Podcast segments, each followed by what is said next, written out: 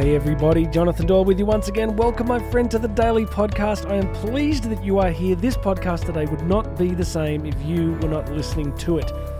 It would not. It would go out into the cosmos and you would not be listening to it. It wouldn't quite be the same. So I am pleased that you are here. I'm going to trust that the good Lord Himself is going to give us some good content today, that we're going to have something to bless you. As I often like to say, quoting one of my favorite speakers, that you do not need a whole bunch of great ideas to change your life. You just need one good idea that you're actually prepared to use. Isn't it so true at the moment that information is not the problem, is it? Information is not the problem. The information about how to change any area of your life, your health, your business, your finance, your relationships, it is all available. We've got ChatGPT now. You can find answers to anything in real time anywhere on this big blue planet. Access to information is not our problem. What matters is execution, right? What matters is strategy, execution, and getting ourselves in a state where we're leveraged, where we've got the energy and the passion the desire to create change. Now, before I go too far down the rabbit hole, please make sure you have subscribed to this humble little podcast. It is growing, it is reaching more people. It's really exciting. So I'd love it if you could share it with family and friends. Just you know, reach out to your family members and say, "Hey, listen, I'm concerned about you. You're you're just you're, you're terrible. You're just you're, you're not you're just going nowhere. Listen to this podcast." I mean, they might be offended. Maybe you could find a nicer way to say it. All right, no judgment. Just find a way to bring them on board. I'd love it if you could share it, post it on your socials. And um, there's a whole bunch of links under here. You can book me to speak at events, conferences. You can book me to train your team to tailor content for exactly what your organizational business or school needs. You can book me for private coaching. There's a bunch of links here. And make sure you check out the YouTube channel. So if you go to uh, Jonathan Doyle Speaks on YouTube, just do a search, Jonathan Doyle Speaks. You'll find me on YouTube. And I'm back on Instagram, just easing back in. You can find me at JD Speaks. JD Speaks, because that is what I do. That is what I am doing. Today, friends, we are on a mission. We are replying and responding to a bunch of really cool listener questions that have come through over the last few days. So I've got a question here from uh, a listener who wants to ask wants me to talk about this concept of the balance between the thought of being too hard on themselves but of also not working towards higher standards. That's the first part. And the second part of their question really is about the ability to let go of habits that are not serving them and move towards new ones. So I want to talk first about this part about uh, the risk that we can face in life of being too hard on ourselves, but also wanting to work towards higher standards. Here, I'm just going to go out and say this straight up. I don't think many of us are at risk of being too hard on ourselves. I, I don't think that's a problem that I see very often. After, you know, 30 years, give or take, of speaking, I don't tend to meet a lot of people who are you know, struggling massively with being too hard on themselves. I think it's possible if you come from a background of trauma or a lot of suffering, there can be the prop- the propensity, the, there can be the kind of drive towards self, a kind of self harm, if I could say it like that, like I wonder sometimes when I look back at me, some of the craziness I was doing, like I was pushing myself really hard. I'm one of the, I don't know, maybe I'm one of the few people I know that, that has really pushed really hard. Um, so, yeah, there is a question there, I think, around just making sure that when you are pushing yourself, making changes, that it's coming out of a desire for genuine growth. So I use filters. I kind of look at what I'm doing. Why am I doing this? What is what what is what is this here? Why am I doing this? Why am I training this hard? Why am I working this hard? What is the end goal? And I it, and if I can answer that question in terms of service and contribution and wanting to live more fully, then I'm good. So, short answer, I don't think that the fear of being too hard on ourselves is one that we need to worry about. Definitely not in this cultural moment, right? In this cultural moment, it's not a huge issue for many people. Also, I was listening to some cool stuff over the weekend around the difference between good, excellent, and outstanding. The world tends to reward us in relationship to those three possibilities. It's interesting to think about the way that technology is destabilizing employment, right? If, you know, a generation ago, if you were good at your job, then you had a future, right? You could work at a factory or you could work at a, at a law firm or whatever you wanted to do. And if you were good at it, you'd be okay, right? And you could have a long career there and you get pensioned off, no problem. And, you know, then some people would be excellent and they'd get rewarded more, and then a very small number of people would be outstanding. So there's a big shift now. And the big shift, obviously, is that it is no longer enough to be good.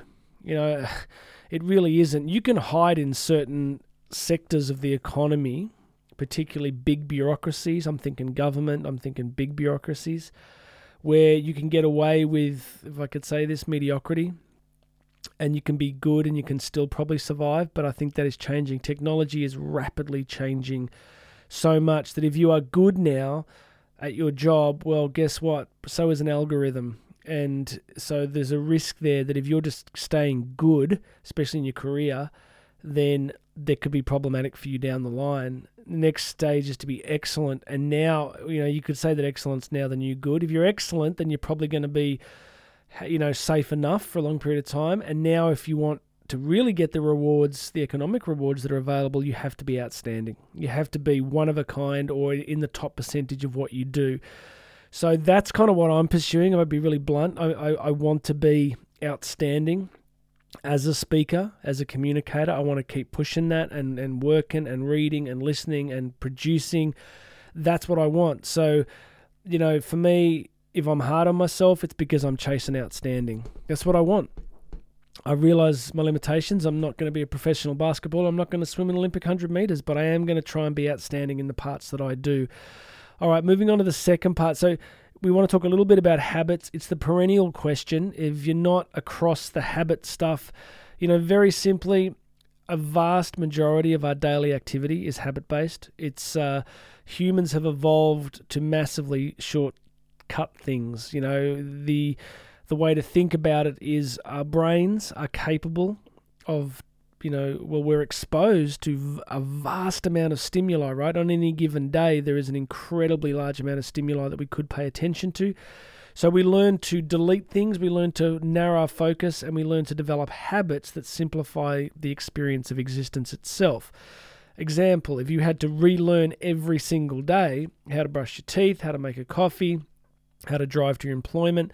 So we develop these habits, right, where we kind of just short circuit stuff. And of course, for complex reasons, we can develop some really uh, some some that are very unhelpful. You know, and we've all been there, and I've definitely been there too. So I like to keep these podcasts short. So I want to just tell you what works for me. You read so much, right? You mean like you've got to replace bad habits with good habits. I will give you a really interesting insight on addiction that really jumped out for me recently, and I spoke about it in a recent podcast. It's from a book by Jay Stringer called Unwanted, and he talks a lot about addiction. And the, the previous addiction model, I'm talking about, why am I talking about addiction? Because addiction is a habit, right? Addiction is a form of habit. So maybe we can use the extreme end of habit, addiction, to help us get some insight. You know, the, the current logic or the, the previous logic was that addictions are attempts to avoid pain and pursue pleasure so that we we don't there's something problematic in our lives so we take you know we we we collapse into addiction. So and there's levels right? So it can be full blown substance abuse or gambling addictions or it can just be food addictions right? Or you know we're just distracted and we're eating too much all those sorts of things. But in this book from Jay Stringer he makes the point that addiction is not a desire to avoid pain. It's a desire to punish ourselves that we actually have a low self schema and by going into the binge addiction cycle, we actually we actually convince ourselves that we're as bad as we think. So imagine an alcoholic who, you know, wants to stop drinking and every day they're like, I don't want to drink, I don't want to drink. They drink way too much every day, they wake up feeling terrible and they hate themselves again. So it actually reinforces the low self esteem. So it's a, it's a way because humans want to stay congruent, right? We actually, if you're really fit, you want to stay really fit. You want to do things that are congruent with that belief about yourself. But if you believe you're worthless, then this new idea of addiction is that we actually do things to stay congruent. If you think you're a bad person, then you'll do things that will remind you that you're a bad person. Really interesting, isn't it? But I'd love to know what you think about that. And so let me just wrap up by talking about the habit its habits itself and if you want to change it. So if you're listening to me now going, come on, Jonathan, deliver for us, give us something practical we can use. What I'm going to say is what has really helped me is habit change around the idea of identity.